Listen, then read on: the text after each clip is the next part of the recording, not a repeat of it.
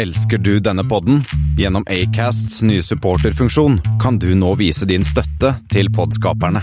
Det er helt opp til deg hvor mye du ønsker å bidra med. Klikk på lenken i podbeskrivelsen for å støtte podkasten.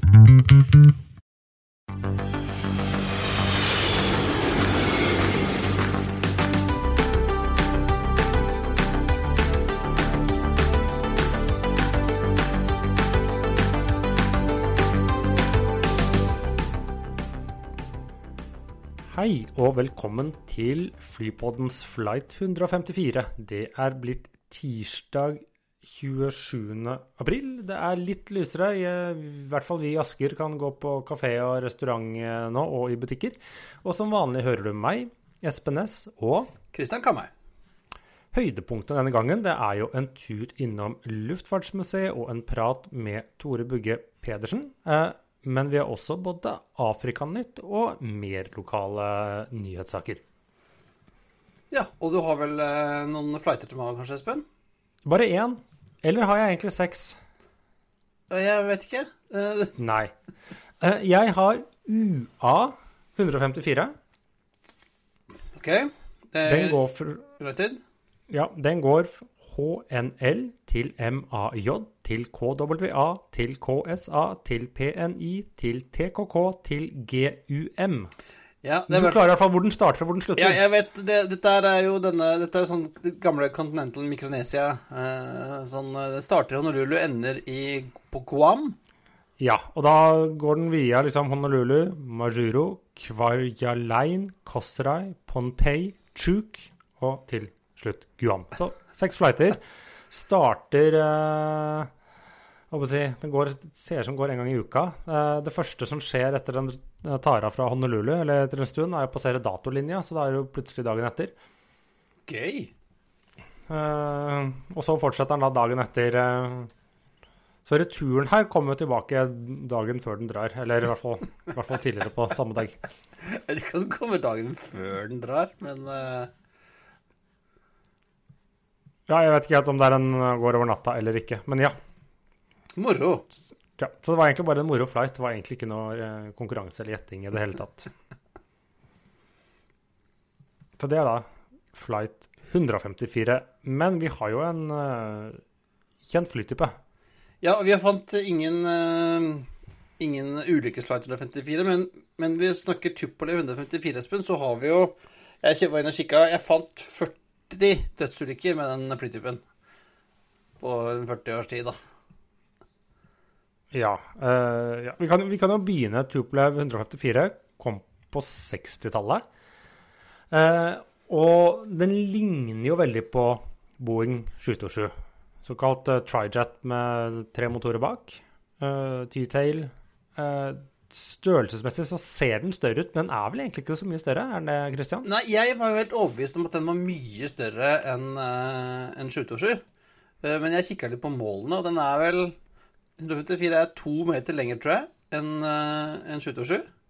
Eh, omtrent samme vingespenn, men den har jo da Jeg så den hadde vel uh, 727 150 kvadratmeter, og s- 100, 150 har sånn 200 kvadratmeter vinge, så det er jo mye større vinge. Og så har den den herre Den er jo bygd da for å kunne fly på litt sånn eh, Odde flyplasser i Sovjetunionen, så den har jo sånn trippel boogie-landings... Double boogie er det vel? Det er vel- tre, tror jeg. Nei, det er- OK, uansett. da, Den Ja, har liksom, ja, den masse har mye større hjultre. Og så står de bredt og langt ute. Så den felles jo, hjulene felles jo inn i den der podden på vingene, istedenfor liksom å gå inn under flyet, som man Flybuken, som er liksom det kalles normale for å fly den størrelsen. Ja, det er... jeg jeg har alltid trodd at den var mye større. Jeg har jo sett den live, aldri fløyet den, dessverre. dessverre. Nei, for eh, Aeroflot brukte jo den jevnlig opp til, eh, til Oslo, eh, både på Fornebutiden og ganske tett opp på to, langt opp på 2000-tallet til eh, Gardermoen. Eh, Aeroflot, som var den største brukeren, pensjonerte jo sin siste i 2009 eller 2010. Ja, og da hadde det jo vært band fra Europa ganske mange år fordi de bråker så innmari mye. Ja, men dem, jeg mener jeg så dem på Gardermoen som sagt langt opp på 2000 Jo. 2000-tallet. Stemmer det. Stemmer det. Uh, de her BH fra Bosnia. Fordi Jo, men jeg så Aeroflot, men jeg bruker og den var jo også langt oppå her. Og det var, det, dette var jo den store Det er vel det som egentlig kan sies var den store arbeidshesten på 70- og 80-tallet i Russland eller gamle Sovjetunionen og Warszawapakten. Ble bygget over 1000 stykker av den. Ja, eh, og masse russisk, selvfølgelig. Og du skulle på en måte se hvor de havna, så var det sånn Det var eh, Cubana, og det var liksom alle østeuropeiske selskapene, Kina Air Kyrio var vel, de et par stykker fremdeles, tror jeg. Ja, ja det som er da eh, Siste sånn kommersielle flighten var med Alrosa i 2020. Offisielt har Air i Nord-Korea tror jeg to stykker, men jeg er litt usikker på om de egentlig kan regnes som aktive, eller om de er i drift, eller hva man kan sies. Men det er vel en par og 40 som egentlig er i, i et eller annet form for flygbar stand, men som brukes da av ymse militære og litt sånn VIP-fly og head of state og, og den type ting. Ja, jeg, jeg mente at uh, tyske Altså det, det som vi da Altså det tyske luftforsvaret hadde jo disse langt ute på eh, seint 90-tall, etter, etter Ja, de arvet jo noen fra, fra Øst-Europa. Og som sagt, det var jo mange ulykker med det. Men hvor mye som alltid skyldes flyet, og hvor mye som skyldtes litt sånn Ja, hvor de fløy. yms Ja, hvor, hvor du fløy, og hvem som fløy dem. At det skyldtes litt dårlig sikkerhetskultur i både land og flyselskaper, kan man jo også spørre seg om. For det var jo si, den største og mest kjente, eller ikke den mest kjente, men den største norske flyulykken var jo med en Tuplev 154. Ja, dette var den der operafjellet på Svalbard i 1996. Ja. Med 141 omkomne. Verste flyulykke på norsk jord. Ja, det var med Vnukovo Airline som gikk rett i et fjell der. Ja. Eh, Så har de jo hatt noen sånne greier de- Det var jo de som har blitt skutt ned, noen som har kollidert, og det var liksom Ja, og så var det jo en kjempe eh, I de senere årene hvor halve den polske regjeringen eh, gikk med, for de skulle forsøke å lande i tåke i Russland. Ja, og den i Smolensk. Spør du, noen, spør du polakker om den, så tenker jeg at de har noen andre tanker om hva som skjedde der. Ja, det er, russerne og polakkene er ikke helt enige om uh, hva som skjedde. Så kommer det hvor langt utpå uh, konspirasjonsskalaen du selv ønsker å plassere deg akkurat der. Ja, det, det er jo en Altså, jeg, jeg må jo si at den er jo styggpen. Eller i hvert fall, den er sånn imponerende Syns jeg litt. sånn. De, de, de det er- det er vingene ikke- som det er ikke- henger og sånn. Det ja, for den er såkalt litt sånn Selv om det er undervinget, eller si ja, Her heter det undervinget fly. Ja. eh, Så er den såkalt dihedral. Eller er det anhedral? Dihedral. Så da peker vingene litt nedover. Akkurat som de, de store. Og den er jo Det er ikke et pusefly, Nei, altså du, du, du hører den når den gir full gass. Ja, og jeg tenkte utseendemessig også. Ja, den er liksom brutal. Ja. Den er liksom litt kul på, på sitt vis. Altså, det, det er kanskje derfor jeg, jeg tenkte at den alltid har vært større enn 727. For jeg synes at den er, men eh, er, og 727 er kanskje litt mer pusete da, enn uh, Typeleven. Ja, det er definitivt mer uh, Jeg skal kalle den hakket mer macho, hvis du kan uh, kalle det det. Det er en bjørn av et fly. Ja, Uh, dessverre fikk jeg aldri fløyten, og nå er vel Ikke- nei, ikke sjansen heller. gått fra meg. Hvis ikke jeg får noen venner i en eller annen uh, militær eh, høyt oppe et eller annet eh, tidligere østblokkland. Ja, nei, jeg tror nok for de fleste så er den, eh, den sjansen Men sagt, det var jo et viktig fly. Var det i, på, fram til 1990 eller rundt da, så sto den jo for halvparten av Aeroflot sin flytrafikk. Ja, de- de hadde mange av den der, altså. Jeg, apropos øh, fly du ikke får fløyte, Espen. Jeg la merke til en ting i dag. Ikke har noe med Tupoleven å gjøre, men, men Mahan Air i Iran har satt sin 747-300 i drift. Ja, den, og den har vært på verksted i fem år. Eh, de måtte sikkert smi nye deler, for de får jo ikke fra amerikanerne. Og jammen så ja, børsta det støvet av den og fikk den opp i lufta, så brukes den innenriks i Iran. Ja, Så hvis øh, du har lyst til å fly 747-300, øh, da er det bare å ta en tur til Teheran. Husk Ja, å legge bare, det er bare bare. Ja. Selvfølgelig. Mm. Hjemme. Ja, ja, det var, det var moro, Espen.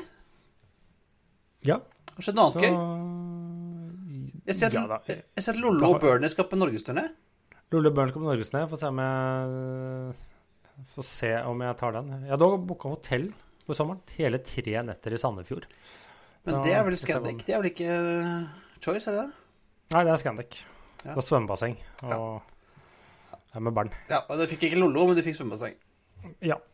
Eh, men eh, ja, det har jo skjedd litt aktuelt. Vi kan jo begynne med, med Flyr. Selv om det har ikke skjedd så mye sånn konkret, så har det eh, blitt eh, dryppet noen informasjon om litt sånn koder og forkortelser. Ja, de har fått IATA-kode og IKAO-kode. De har fått gå- callsign og greier. Men noe Ja. Det betyr at de snart vil være tilgjengelig i noen reservasjonssystemer, kanskje? Ja, men de skal ikke begynne å selge billettene før om en måneds tid. Sa de ikke i løpet av mai, og det er jo på lørdag. De sa mot slutten av mai. Ah, ok. 30 dager før oppstart, sånn pluss-minus. Eh, for å ha litt fleksibilitet, slippe å liksom kansellere, for det blir ny nedstengning. Uh, men IATA-koden, da, FS, uh, ser det ut som der. Uh, ICAO, liksom, koden er FOX, FOX. Mens da liksom callsign, som de kommer til å kalle seg på, blir da Green Star. Ja, hørt. Star. Og så har de begynt med litt sånne reklamer i sosiale medier. Uten å egentlig være noe konkret, bare fly, flyr. Og så er det noe sånn solnedgang og litt sånne ting. Det tror jeg i dag første gang. Den FS-koden, den uh, brukes jo av et annet flyselskap òg, men det er såpass langt unna at jeg har vel ikke fare for noe Ja, altså, hvor er det? Jeg har funnet FS er i, altså, i Argentina. Da går det kanskje, fordi at det, Hvilket selskap, forresten? Uh, det heter Servicios de Transportes Aeros Fuenguinos. Så da, For det er sånn at de kan dele slik jeg forstår callsign, hvis de liksom aldri møter hverandre, og det er jo Stor sjanse for at det ikke er noe problem med det der. Altså. Jeg lurer om det er- sånn Terra del Fuego eller noe, siden det heter eh, det heter. Men, så kan, men man vet aldri. Plutselig så endrer det seg. Uh, så det er sånn at akkurat, akkurat den IATA-koden er som sagt hva jeg har hørt og fanget opp. Mm, har du vært og snoket i, eh, i postjournalen din? Nei, jeg har ikke sett det der. Jeg har, det har dukket opp rykter andre steder. Ja, ok, ok. Så det Ja, denne uh, Servicio de Transporte Sueros uh, Fueginos er et eh, fraktselskap som visstnok har én DC10 og en MD11. å, ja. Men uh... Nei, som la ned driften i 2005, ja. Ok. Ja, da er det neppe noe problem. Men uh, det er jo flere nå som er ute med spåkulene sine. Og de spåkulene de er for forskjellig valør. Ja, De divergerer ganske mye. Nå har jo vi eh, Om noen uker så skal vi prate med en eh, som også skal spå litt. Men eh, jeg leste her i Financial Times at Michael O'Leary han er ute og påstår at forretningstrafikken den er fullt tilbake igjen i 2022. I hvert fall innen Europa, som Ja, det er han som er uttaler seg Jeg antar han ikke snakker om transatlantisk. Eh, Så han eh, er full av optimisme og tenker at businesstrafikken den kommer tilbake, og den skal selvfølgelig de ta eh, godt eh, en, en god bit av det, selvfølgelig. Ja, og, og samtidig så var jo også BA-sjefen ute i dag og sa at Uh, de også Eller de forventer en nedgang i businesstrafikken, men de forventer at privatreisende har lyst til å fly mer business class fremover enn det de har gjort før. Sånn at de allikevel liksom har behov for store eh, premiumkabiner. Uh, og at de også, man ikke skal undervurdere at folk er drittlei Zoom og Teams. Det sa han i hvert fall. Nei, det, det er nok eh, sant, selv om uh, Virgin Atlantics uh, Chai Wise sier at de forventer 20% reduksjon i, i businesstrafikken, og Star Lions påstår at de mister ca. en tredjedel av all businesstrafikken. da. Men eh, hvis det er sånn at uh, Leisure tar eh, og kan sånn, erstatte noe av det Gustavsson var ute og sa noe lignende.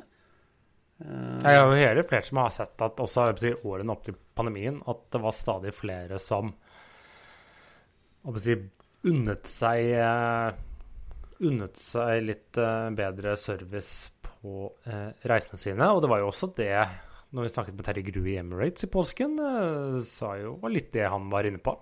Ja, jeg tror, jeg tror nok han er at, altså, og det kan nok Jeg tror nok at når vi kommer på andre sida, hvis jeg skal begynne å spå litt, da, så tror jeg nok at den der eh, reise til New York eh, fire ganger i året, den er nok eh, slutt. Men du kanskje reiser én gang, og da kjører du premium economy for at, eller, eller business, for at du skal først, da skal du liksom for en gangs skyld ta deg en tur.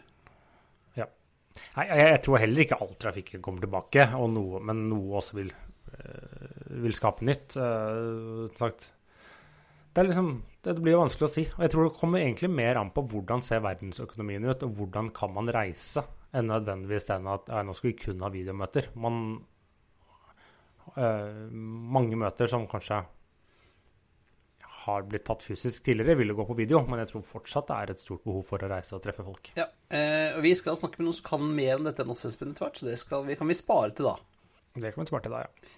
Ja, eh, og ja, mens vi har sett mye triste tall i de siste fra flyselskapene, så er det en danske som har overrasket med positive tall for 2020.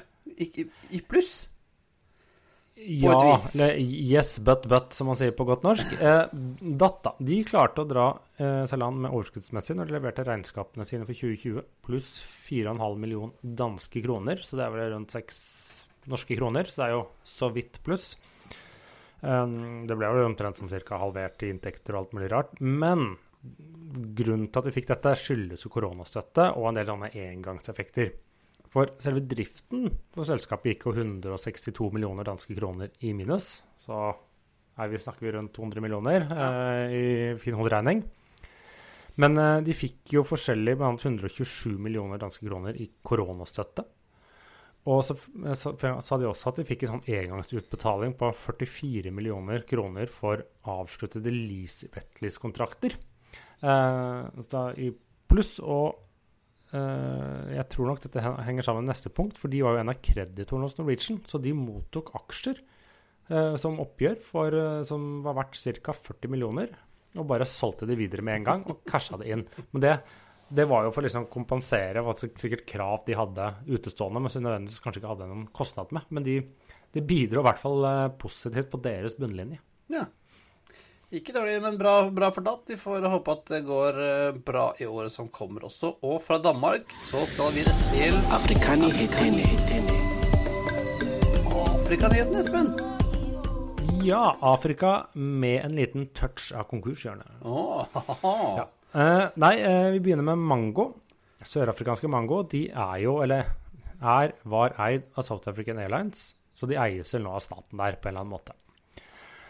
Kassa er tung, uh, så nå er planen å sette flyselskapet på bakken. De har vel fem fly i drift, og forsøker da skal liksom kjøre en rekonstruksjon. Så det skal komme ut lean and mean på den andre siden. Ja, Var det ikke det som South African også skulle?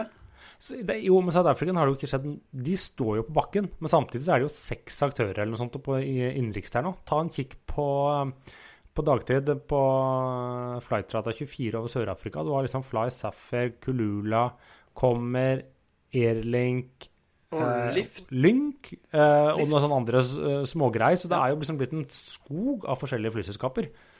Litt som eh, kanskje man ser i Norge, hvor det har gått fra to til mange. Snart, da. Ja, ja men eh, så mm, Lykke til. Altså, mango har Jeg syns jo de flyene ser veldig morsomme ut. Ja, Oransje som en mango. Mango. Ja. Og fra oransje mango i Sør-Afrika til Green Africa Airlines, som er da et nystartet nigeriansk selskap, nærmer seg oppstart. De heter jo Green Africa, men er jo Nei, flyene er jo nesten stort sett hvite, med enkelte sånne grønne elementer. Men de ble jo kjent for noen år tilbake ved å bestille 50 Max, som de hm, kansellerte, som en del andre har gjort. Eh, og så bestilte de 50 Airbus A220. Eh, og nå ligger det an til at de også skal eh, allerede snart få tre A220-maskiner som de har fått eh, skal leases fra et sånn russisk leasingselskap som har liksom sitter på seks A220-maskiner som har stått lagret et år i Nederland, som de har måttet ta levering av, men ikke har funnet en kunde til. Det er ganske Eh, de skal- utrolig at de ikke får en kunde til A220.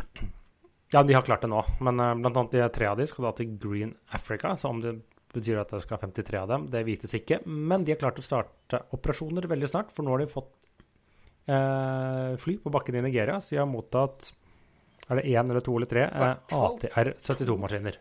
Ja. Så da blir det nok en eh, nigeriansk aktør. Det var jo en eh, Vi snakket jo om en ny en forrige uke, så var det en Så der blir det også et litt sånn fragmentert marked etter hvert. Jo, men altså, Nigeria har, er så mye folk, og, og vi hadde jo ikke så veldig tro på disse her når de først kom, Espen. Da trodde vi at det var liksom Nigeria-brev. Ja, men de har Ja, det er i hvert fall første flyet her på plass, så får man se hvordan det går. Eh, og jeg har jo tidligere eh, kalt uh, Lagos flyplass for verdens største open air flymuseum, men vi, fra det flytter vi oss eh, langt nord til et ekte flymuseum, Espen. Ja, for du, ja, som jeg var inne på, du har snakket da med Tore Bugge Pedersen, som vi var jo så heldige å treffe når vi var i Bodø i oktober i fjor. Eh, vi kunne ikke dra opp dit eh, denne gangen. Og jeg kunne ikke engang hadde tid til dette, men eh, du hadde tatt en eh, samtale med han. Ja, jeg har fløyet opp med Teams-fløyten min og tatt en prat med Tore. Og så mm, Ja, han hadde Egentlig skulle jeg bare snakke med han om denne Norseman som vi så sist. Ja, men- da hadde, han hadde ganske mye annet å by på, så vi bare Vi hiver oss i den grønne ATR-en til Green, da, og så flyr vi oppover.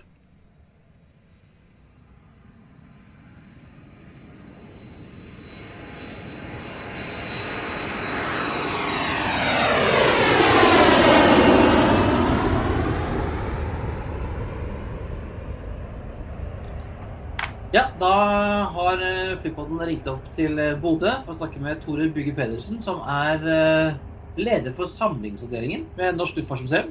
Hei, Tore. Ja. Hei, hei. Takk for sist. Ja, i like måte. Det er jo, vi, var, vi var jo i eh, Bodø i episode nummer 128 i fjor. Eh, når vi gikk rundt uten munnbind og var klin gærne og holdt ikke avstanden og Nei, ja, satt vi i Fokker Friendshipen vår og snakka om eh, planer for 737. Ja. Er, eh, det må første jeg må spørre om, er, er museet åpent om dagen? Eh, museet er åpent, ja. Vi har vært åpent nå i to uker siden siste, siden siste lockdown. Og nå er vi tilbake i vanlig drift og åpen hver dag i uka. Ja, så bra. Og hvordan gikk det med, med flyttinga av 737? Det var kjempespennende. Det var en ganske stor operasjon, men det gikk helt knirkefritt. Det var ingen snags undervei i det hele tatt. Og eh, på noen av de trangeste passasjene så var det bare centimeter om å gjøre for at flyet skulle bli stå i grøfta, men vi hadde gått gjennom den ruta så mange ganger at eh, det var vi ganske sikre på skulle gå bra. Og det gjorde det. Så den står nå trygt parkert utenfor museet på en kjempesvær plattform. Og ja, etter alt å dømme har den det veldig bra. Så bra som et fly kan ha det når det står ute. Ja. Eh, vi fulgte jo med flyttingen eh, på, live på Facebook, faktisk. Ja. Det var litt gøy, det. Eh, Ja, ja, den ble strømma. Det var kjempemange som fulgte den. Så det var mm, åpenbart stor interesse for det. Har dere begynt å sette den ordentlig Nå står den på den fine plattingen vi så sist, men det det var snakk om å koble den til museet og sette på strøm og sånn. Nå er vi i ferd med å, eh, å sette strøm på den. Vi har hatt ei, ledning på, vi har hatt tilkobling sånn at vi kunne hatt det, det mest grunnleggende av klimastyring på den for å ta vare på den innvendig, at det ikke blir mye kondens og sånn. Uh, Nå har vi startet en prosess hvor vi skal eh, legge ned permanent strøm til flyet. Både systemstrøm og eh, 220 volt, i tillegg til uh, muligheter for internett og sånn videre, sånn at vi kan bruke den mer aktivt uh, i, i formidlinga vår. Og så eh, etter hvert så skal vi også lage den fysiske tilkoblinga, altså ei rampe. eh, som gjør adkomsten til museet lettere. Så inntil videre så får vi nøye oss med ei sånn lita trapp vi, har, eh, vi får låne. å Men det inn en, en flytrapp. Ja, ikke ordentlig flytrapp. Den er faktisk enda enklere det. Jeg tror det er sånn mekanikertrapp. Ja, ja, Som, eh, som den, er, den er veldig liten og den er veldig bratt, men den gjør jobben. Så det er ikke sånn, man kan ikke leie den å ha, og ha fest i. Eh, ikke si det. Vi har begynt og vi har fått henvendelser, og vi ser på mulighetene for å, um, å tillate det egentlig så snart som mulig. Men det er klart at det er jo et det er jo et fly med de begrensningene det har. Og i tillegg er det, er det noen deler av det der som jeg er veldig opptatt av å ta vare på. Jeg er f.eks. veldig fascinert av cockpiten på den, siden det er en sånn overgangsmodell mellom analog og digital. Og den var det jo meningen at man skulle kunne komme inn og kikke på og, test, prøve seg litt eh, og dra litt smaker og sånn, var ikke det? Ja da, det er det fremdeles. Så det er jo en del av grunnen til at vi vil ha systemstrøm på den, sånn at, vi kan, at alle systemene kan startes opp. Og ja, styreflatene fungerer jo på den som de skal. Og, ja. Du ønsker deg fremdeles to motorer, var det sånn? Vi har fått én, eh, Ah. og vi leter etter den andre, etter en til motor nå. Det gjør jo både at, eh, at eh, Nå står jo nacellene tom, og det er jo et lite problem. fordi at de nacellene er jo eh, hvis folk kryper inn i dem, så kan de bli skada. Sånn at enn så lenge så har vi et gjerde rundt den. Sånn at det å få motorene på plass, det vil bl.a. være med på å eh, gjøre flyet tryggere for publikum. Da kan man ta sånn bilde inni, inni motoren, da, som alle flyvertinnene driver med. Ja, vi må jo se litt på det om vi skal ha sånne her plugger eller hetter eller hva det heter, som, som stenger det inntaket. Men det er klart at det ser jo litt dølt ut, det også. Så vi ønsker oss jo egentlig åpne motorer. Men uh, det er både blåse og mye dårlig vær i Bodø, og Ja. vi har ikke så veldig lyst til at den skal fylles med snø heller. Nei. Så hvis noen eh, har en C556 eh, liggende og slenge, så ønsker Bodø seg den. Veldig gjerne. Altså, du vet aldri hva folk har hjemme. du. Nei, og det er utrolig det også. Når, når eh, vi først melder vår interesse, så ser vi jo det store nettverket vi har. For da får vi jo gjerne respons, og vi ser det fra ja, nesten hele verden. Når vi melder et behov gjennom de kanalene vi har, bl.a. Flypodden, så ser vi jo at det er, det er veldig mange som, som er interessert i å hjelpe oss. Så det setter vi jo ufattelig stor pris på. Vi, vi gjør det vi kan for å hjelpe, vet du, Tore. Vi, vi bidrar det lille vi kan. Eh, Kjempebra. Og så var det en ting jeg ville spørre deg om. for at når vi var oppe, på, oppe i Bodø i fjor høst, så sto denne Norseman, gamle Videre Norsemannen bak noen gjerder og ble, ble kosa med. Så så jeg bilder nå i vinter at det hadde skjedd eh, ting der. Ja, spesielt nå når det har vært lockdown, så har det blitt gjort veldig mye med den i, eh, i utstillinga. Eh, Vi er i ferd med å bygge den siste vingen som mangler på den. Eh, Så Meninga er at den skal få begge vingene, og forhåpentligvis så kan vi sette den både vingene på og på flottører også. Så man kan se flyet i eh, ja, komplett. da. Ja, for sist så var det jo nesten bare Da var det jo ikke noe duk på den eller noen ting. Det var jo sånn bare stålrør. Nei, det har jeg faktisk tenkt at vi skal la være å trekke den. Å, Fordi at den er veldig interessant å vise fram, sånn som man er nå, med, med stålramme og trespiler og, og træribber og hele konstruksjonen. Å kunne vise den fram er, er noe som veldig mange har syns er veldig spennende. Så for å kunne se hvordan flyet ser ut under duken. Ja, for du ser jo litt, Når man- er vant til flymaskiner med, med harde, harde aluminiumsskall, og det å se da en, en Norseman eller en annen type fly som bare, som bare er stålrør, så blir det sånn Hæ, skal jeg, er dette dette Ja, ja, ja. Liksom? Nei, klart For oss i dag som er vant til fly enten i kompositt eller, eh, eller aluminium, så er det litt, litt, litt uvant å se en sånn konstruksjon med tynne stålrør og tynne trespiler, og så skal det her trekkes til og med med duk. Og På toppen av det hele så skal det egentlig være bomullsduk, da, hvis man skal være helt korrekt. Sånn at det å vise den konstruksjonen er, er noe som ville vært veldig fint. Men Og I tillegg så er det jo sånn at fordi det er så restaureringa på den tross alt har vært så omfattende, så gjør jo det at hvis vi trekker den med en duk, så trekker vi jo den med en ny duk. Ja. Hvis det hadde vært sånn at vi har at vi Det Gore-Tex, da? Nei, det, det måtte vel egentlig ha blitt bomull hvis det skulle vært helt korrekt. Det er klart at det, det, er jo, det er jo også en faktor med her at det å trekke et fly med bomull i dag er jo ganske vanskelig og komplisert. Men det finnes mange andre, andre tekstiler som, som er i realiteten, um- altså i praksis umulig å skille på overflata fra bomull. Men, eh, men det er mer det den muligheten vi har gjennom at flyet er restaurert, og at det ikke er klart, Hvis det hadde stått der inne med original duk, så kunne vi aldri ha funnet på å ta av, av den originalduken for å legge på noe nytt. Men siden at det, det ble funnet på vidda, og det lå der i veldig mange år, og det var ikke noe duk igjen, så gjør det at vi kan gjøre sånne ting med det. Det blir spennende. Når regner du med at den er ferdig? Så at den eh, ses? Ja, vi har jo en plan om at det skal bli ferdig i løpet av, eh, i løpet av sommeren. da. Så vi har jo, Forhåpentligvis kan vi jo ha en del formidling rundt den restaureringsprosessen også i sommer. Sånn at når folk kommer hit på besøk i sommer for å, eh, for å se at det da er, faktisk er, er aktivitet inne i utstillinga med restaurering. Så vi ser på om det, om det lar seg gjøre da. Ja, og så det blir kjempe, kjempespennende. Og når vi var der uh, sist, så fikk vi lov til å ta en sånn sneak peek på denne gul tre. Ja, den står jo også i egen utstilling nå. Og er jo et, det er helt fantastisk håndverk, det, det restaureringsarbeidet som er gjort der. Og den utstillinga eh, har vi også fått kjempegod respons på. For istedenfor Den har gjort en så liten vri hvor istedenfor at det er de onde mot de gode, altså de allierte mot tyskerne, så er det her mer sett fra det sivile, det sivile standpunktet. Da, det, da, det, da kan det være litt likegyldig hvem som egentlig slipper den bomba du får i hodet. Ja, det Så det, den, den, den, den, tar på en måte, den viser litt av historien sett fra de siviles ståsted. Samtidig så forteller om historien til han piloten som, som fløy det flyet. Eh, både på godt og vondt. Det var jo et, eh, et krigsoppdrag han var ute etter og han, han skulle utføre. og Det var sånn han endte sine dager over Europa også. Men det er jo et menneskelig tilsnitt med, med de, den norske familien da, som rodde ut for å berge den unge mannen som forulykka i flyet sitt utenfor Rørvik. Så Det det- har blitt godt tatt imot. det har blitt veldig godt tatt imot.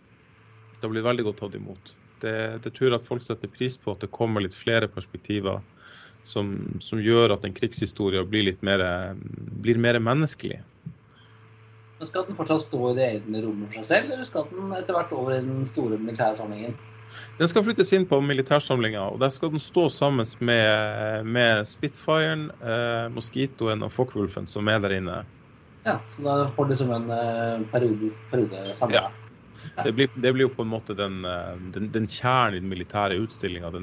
Rosinen i pølsa blir den her lille klynga med, med fly fra andre verdenskrig som svært mange folk har som sin hovedinteresse innenfor luftfartssystemet. Ja, ja.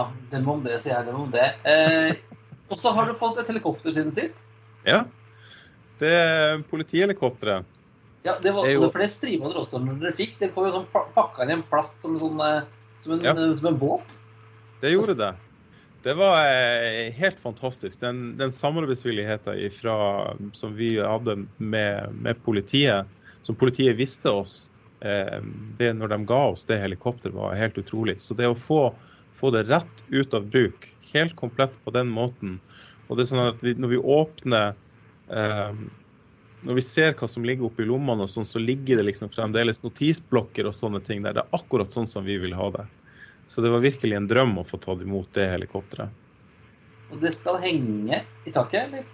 Akkurat nå så står det inne på gulvet eh, inne i utstillinga på den plassen som vi egentlig holdt av til Sea King. Eh, men Sea Kingen kommer sånn ikke før i 2023 eh, etter planen. Og frem til da så skal politihelikopteret stå der. Og når Sea Kingen er på vei inn i utstillinga, så skal vi henge politihelikopteret opp, og så skal Sea Kingen overta. Og da, da begynner det å bli fullt der inne. Det mm, begynner å bli vanskelig å manøvrere. Du må ha noen flere, noen flere vinger, da. Hva du tenker på? Ja, altså en, en sånn, Eller av den propellen. Museet ser ut som en propell. En toblada propell. Ja, nei, det har vi snakka på. Det var senest i går hvor jeg sa på spøk at vi skulle, ha, at vi skulle både hatt stjernemotor og flere blad på den propellen. Som, da, museet er jo laga for å se ut som en toblad Ja. propell, men det skulle jo helst se ut som en fireblad propell med, med alt det som vi får inn i framtida. Ja, nei, Vi får satse på at det blir plass til det når flyplassen flytter, da. Ja. Og eh, i fjor sommer, når ingen kunne reise til utlandet, eh, så var det vel ganske bra med folk på museet? Ja, det var det. Når, når det var ingen som kunne reise til utlandet, så ferierte jo folk i sitt eget land. Og da var det veldig mange som skulle nordover og utforske Nord-Norge. Um, og oppdaga jo da Luftfartsmuseet Um, Ja, både heldigvis og dessverre var det mange som kom hit for første gang. Og fikk se hvor stort det egentlig er, og, det, og hvor bra det egentlig er. Så vi hadde en veldig god sommer i fjor. Og nå ser det ut som det blir samme i år. Ja, og det er jo litt derfor at vi har gjort så stor innsats på utstillinga med, med alle de nyervervelsene og den aktiviteten som foregår. Det er jo litt for at vi håper at vi skal kunne tilby folk noe ekstra. Så vi håper jo mange tar turen på nytt igjen, i tillegg til alle dem som ikke reiste i fjor. Så har vi da ekstra mye å tilby i sommer. Jeg tror halvparten av alle mine venner var i Lofoten i fjor. Nå skal vi andre halvparten opp i år, da. Ja, satser på det. De må, de, når de skal til Lofoten, så må de jo via Bodø. Ja, da, og da er det jo Jeg har jo faktisk gått fra terminalen og bort til uh, museet. Man kan, hvis man har en liten lang layover før man skal ut til Svolvær, så kan man jo tasse bort og ta en kikk. Det fine med Bodø er at det er så kort, eh, kort vei både mellom ferga over til Lofoten og flyplassen og museet, så alt er innenfor gangavstand. Um, hva, hva er liksom planene på sommeren? Planene er jo f.eks. Det, det å fortsette med den uh, Norseman. At vi håper at vi kan ha um, aktivitet på Norseman i utstillinga når publikum så kommer. Så de får se litt. Så du, skal man se at de står og skrur på den, liksom? Det kommer litt an på hva slags arbeid det egentlig er som skal gjøres når vi kommer så langt. Men hvis det arbeidet passer sånn, så hadde det vært veldig bra. Og I tillegg så har vi også tenkt at vi skal ha eh, åpent verksted. At vi skal kunne vise folk rundt omkring inne på, eh, på det som foregår her. Og så er det jo eh, Ja, vi satser jo stort for sommeren. Det er jo, vi har jo, som, som, som vi har snakka om, mange nyervervelser. Og, ja. Så det blir spennende. Eh, Ja. Vi får håpe at du får en, eh, en veldig bra sommer. da, At ingen får reist noe sted utenfor landet. Så de må reise til Nord-Norge igjen. Jeg håper jo at folk hadde en såpass god opplevelse i fjor sommer. At de ser det at selv om muligheter er, at det er en mulighet å reise til utlandet, at de kanskje ser det at det å reise, feriere litt i sitt eget land, er, kan være vel så bra. Og kanskje det kommer en og annen utlending også. Ja, det var jo nesten helt tomt i fjor. Det var jo, det var jo nesten merkelig det for Vanligvis så snakker vi jo på engelsk og tysk og fransk om sommeren fordi at det er mest utlendinger i utstillinga, men i år var det bare nordmenn. Det var en, både en fin og spesiell opplevelse. Før vi runder av, eh, Tore, så har vi eh, begynt å, å spørre alle våre mm, gjester tre de samme spørsmålene. Ja. Eh, Og dette her, det har jeg ikke forberedt deg på, så nå bare gønner jeg på. Ja. det, første, det første er hva, hvilken er din favorittflyplass, og hvorfor? Min favorittflyplass, det er Vinnu. Vinnu. Vinnu i Sunndalsøra. Eh, der skulle det være etableres en kortflyplass en gang for lenge siden, men det ble ikke noe ut av det. Men de kom så langt at de begynte å gjøre klar stripa. Og i dag så er det eh, sportsfly, altså det som før het mikrofly. En sportsflyklubb som holder til der. Og den ligger klint oppunder fjellveggen i en dyp udal på eh, Nordvestlandet. høres stygt ut. Ja, det var der jeg begynte å fly mikrofly. Og det er altså et så fantastisk område, og den er ikke på langt nær så gæren å fly på som man, som man kanskje skulle tro. Eh, men det tror jeg må være Norge, en av de mest spesielle flyplassene å komme på i Norge. Men da må du ha et fly som kommer deg opp og ned på 600 meter med gress, for det, det har til rådighet. Og dårlig taxfree der òg, tenker jeg. Neste spørsmål, eh, det vet jeg ikke om gjelder for mikrofly, men det er vindu eller midtgang. Oi, vindu. Definitivt. Gjerne i nærheten av vingen, i bakkant av vingen også. Det er veldig fascinerende å sitte og se på, eh, på de forskjellige vingekonstruksjonene og hvordan styreflatene arbeider. og Fly som bruker mye spoilerons og fly som bruker ailerons og ja, forskjellige løsninger på de samme problemene. Apropos det, så hørte jeg en historie, jeg vet ikke om den er sann, men uh, hvor en flyvertinne ble kalt av en uh, bedt om å komme til eh, altså en passasjer som plinget, Så satt ved, vi- ved vingen, så sier, hun, sier han uh, til Purdy at du må si fra til kapteinen at dette her er ikke bra. Og så sier hun Ja. nei, nei, slapp av, uh, relax sir, det, sånn skal det alltid, det er null, problem, sånn er det. Og så sier han svarer bare honey, eh, jeg er eh, jeg er ingeniør hos Boeing, og vi lagde ikke vingene for å gjøre akkurat de greiene der sånn. Hvor hun visstnok ble blek og løp og kom tilbake. Og siste spørsmål. Eh, hvis du skulle velge deg én destinasjon du kunne reise til resten av livet, hvilken er det? En destinasjon å reise til med fly, altså. Ja. Ja. Um, jeg har jo vært på seilferie i Karibia, og det er en av de mest fascinerende flyreisene jeg har hatt. Å fly med en, sånn, med en sånn liten Jeg tror jeg lurer faktisk på om det var en tinnotter som hoppa fra øy til øy framover der. Så da tror jeg kanskje at det måtte blitt en av de lokalrutene i, i Karibia. Eller så måtte det blitt mm, ja, melkeruta på Finnmarkskysten. En av de to tingene. Jeg er veldig glad i, i kortbanenett. Helt under 600 meter. Ja. Tusen takk, Tore. Det var hyggelig å prate med deg igjen. Vi ønsker at, eh, får håpe at du har en, eh, blir en fin sommer med masse besøk, og det kommer noen med en C556 i kofferten. Det hadde vært veldig bra. Tusen takk for at jeg fikk være med. Takk skal du ha.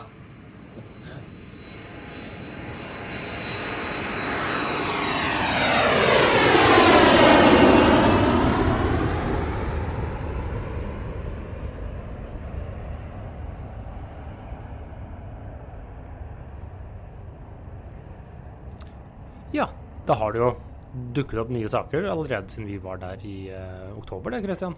Ja, altså, det, det kommer jo både det ene og det andre, og det, han, og han får jo mer også.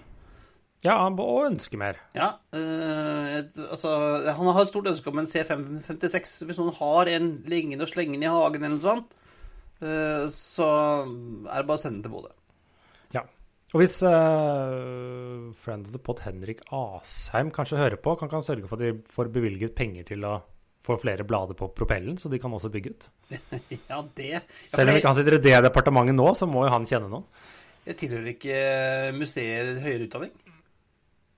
Ja, det gjør kanskje det. Gjør ikke det? er ikke det kommunal? Nei, hvem vet? Det, det, Ja, men han, han kjenner Han kan prate med noen. Han prater med Erna. Han ta det med Erna, herre min, altså.